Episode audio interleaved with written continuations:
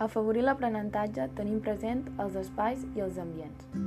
L'espai és un element clau en el procés ensenyament-aprenentatge. És indispensable que els infants es sentin còmodes i segurs en el lloc on es durà a terme el procés d'aprenentatge.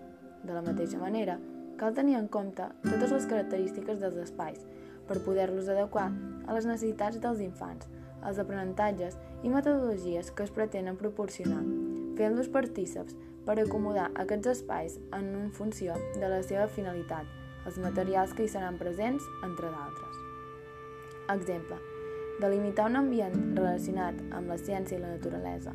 Llavors, en aquest espai podria predominar materials naturals, com pinyes, branques, pedres, etc.